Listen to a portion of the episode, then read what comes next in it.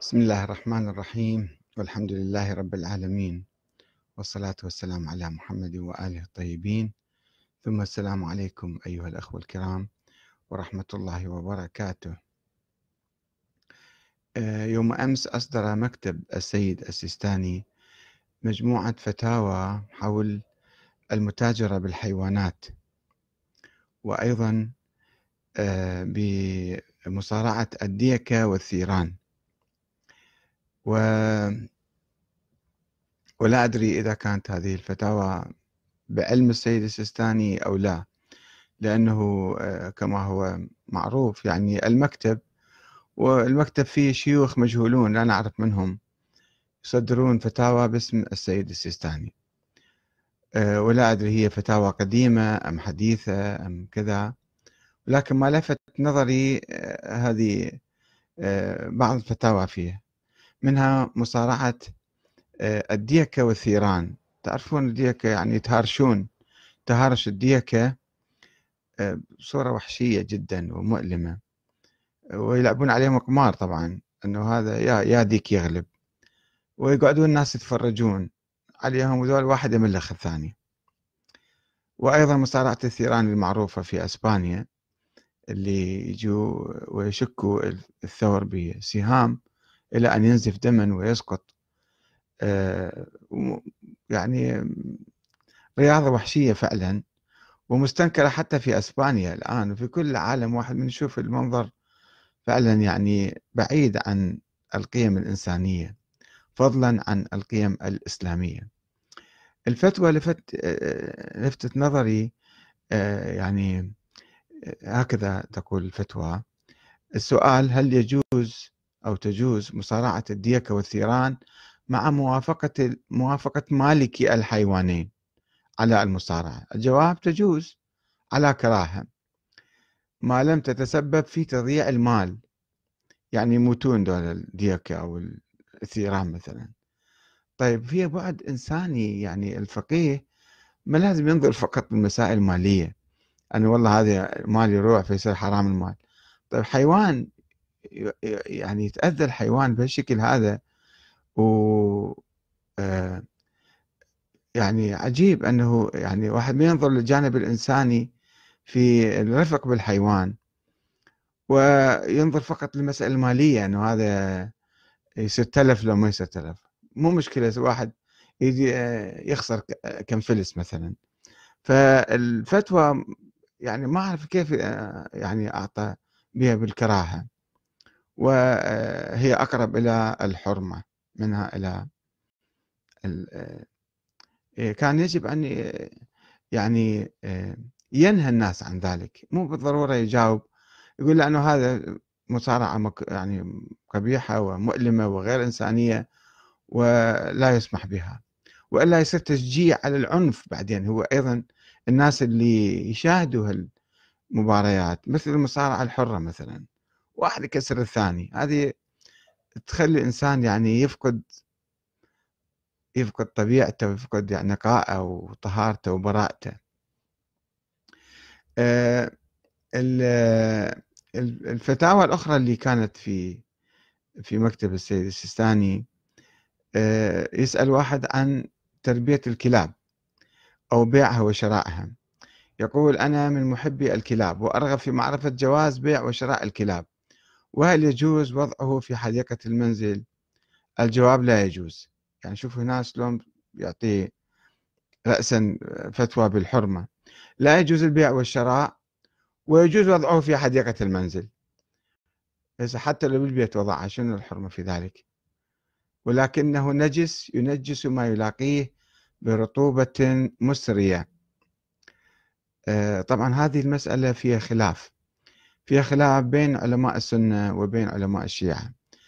آه، يعني حول نجاسة الكلب حول نجاسته وحول بيعه وشراءه في مسألتين هنا. آه، النجاسة آه، مختلفين فيها يعني العلماء السابقون أقرأ لكم بعض الفتاوى.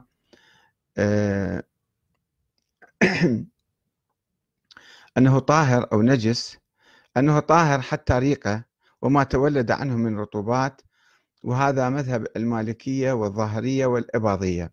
يقولون طاهر حتى ريق الكلب طاهر. والرأي الآخر يقول لا نجس حتى شعره وكل جسمه نجس. وهذا مذهب الشيعة والشافعية. وإحدى الروايتين عن أحمد بن حنبل.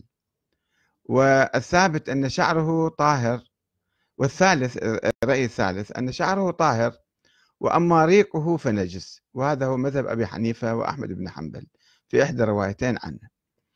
آه، اللي يقولون بالطهارة يستندون على الآية القرآنية الكريمة التي تقول يسألونك ماذا أحل لهم؟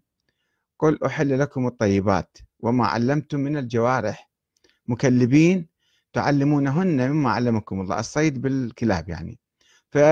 فكلوا مما أمسكنا عليكم واذكروا اسم الله عليه واتقوا الله إن الله سريع الحساب. يعني ظاهر الآية هسه يجي واحد يقول أمسكنا عليكم روحوا غسلوه بعدين. مو فقط أنه تاكلوا رأسا أنه حلال إذا الكلب صاد الصيدة آه، فتعتبر هذا مثل تذكية له آه، الشيعة كان يختلفون في هذه المسألة.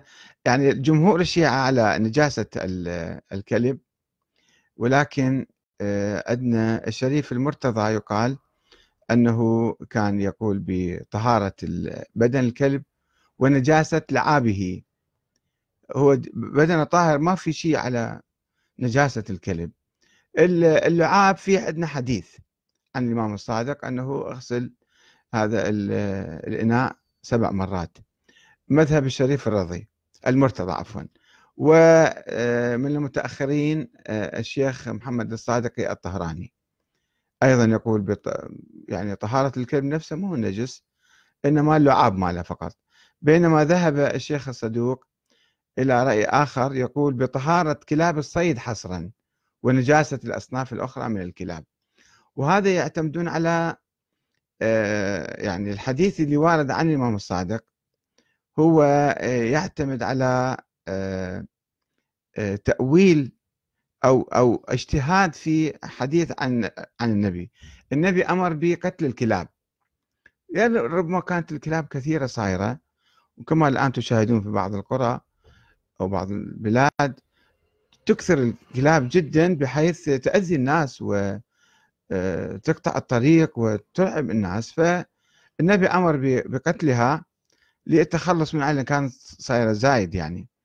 أما أنه أمر بقتلها لأنها نجسة ما في حديث ما في يعني فهم من حديث النبي أنه أمر بقتلها. آه، وبالنسبة للرطوبة مالت الكلب أنه آه، يقال أيضا هي لعاب الكلب يعني آه، هسه لعاب الكلب في أيضا نقاش في أنه يشافي من بعض الأمراض وأيضا قد لا يشافي يعني بعض الأمراض الأخرى. الكلام عن واحد يحتفظ كلب بالبيت والكلب يعني آه، مثلا في الاستثناء الموجود عند الفقهاء أن كلاب الصيد هذه حلال؟ مثل ما يقول الشيخ ال ال أنه حتى آه، أنها طاهرة الشيخ الصدوق آه، إذا ما قلنا طاهرة أو نجسة المهم بيعها. بيعها استثنوا كلاب الصيد. كلاب الصيد أو كلاب الحراسة هذه آه، يجوز بيعها وشرائها. طيب الآن في أصناف أخرى من الكلاب الناس مطوريها وهناك طبعا كما ربما تتفاجئون في ناس مختصين بتربية الكلاب دكاترة ياخذون دكتوراه في تربية الكلاب وتعليمها. مثلا آه، في كلاب خاصة طبعا لقيادة العميان الناس اللي ما يشوفون. الكلب يقوده وكلب يكون له طبيعة خاصة. هادئ مثلا له طبيعة خاصة يختلف عن بقية الكلاب وهو يقود الأعمى في طريقه. هذا واحد. شيء ثاني في المطارات التفتيش عن المخدرات تفتيش عن العمولات حتى التفتيش عن أي شيء. يمكن الكلب آه، عن المتفجرات. الآن الكلاب يستخدموها. وقبل أيام كان في خبر أنه أصاب في دولة أمريكية لاتينية حطت آه، جائزة جائزة ضخمة آلاف الدولارات مئات الآلاف من الدولارات لمن يقتل كلب معين. هذا الكلب مثلا استطاع أن يكتشف أربع أطنان من المخدرات من الهيروين وهو عنده شامة قوية و فالكلاب آه، يعني يمكن واحد يستفيد من عندها ويستخدمها في أشياء كثيرة. طبعا في الغرب الكلاب يخلوه يعني يقتلون الكلاب لأنه عايشين مثلا في وحدة ويردون يستانسون ب آه، مع الكلب آه، و آه، أو حتى للحراسة يحطوه في داخل البيوت. فهي صار عقدة عند بعض الناس أن الكلب نجس. وهذا ما له أصل في الحقيقة لا في القرآن في نص على نجاسة الكلب ولا في الأحاديث عن النبي نص على نجاسة الكلب. ولكن الشيعة عموما عندهم أقدم من هذا الكلب وحتى الفقهاء الآخرين ربما آه، في خلاف حولهم. نرجع إلى فتاوى سيد السيستاني.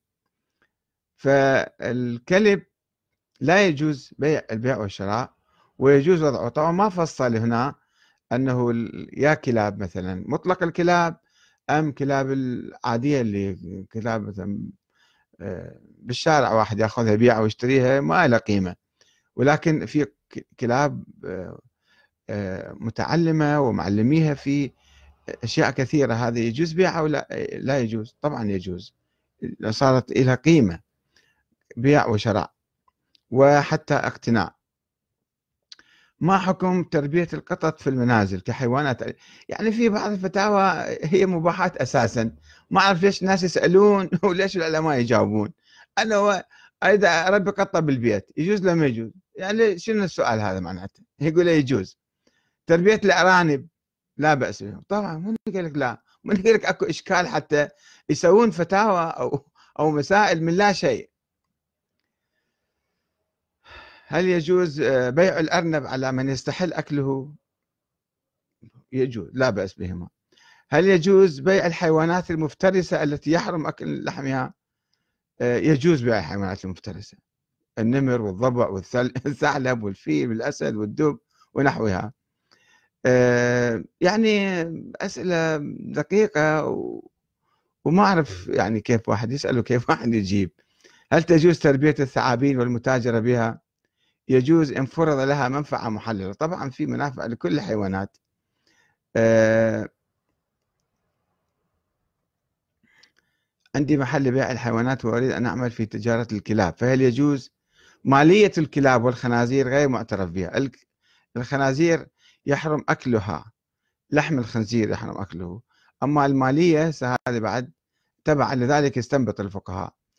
آه، غير معترف بها. شرعا فيمكنك أخذ المال من الزبون بإزاء رفع يدك عن الكلب يأخذه. يعني شنو صار؟ نفس نفس البيع بس هذه لوفة. لوفة هذه. أنه أشيل إيدي عن الكلب فأنت تأخذه. يعني شنو معناته؟ آه نعم على أي حال فتاوى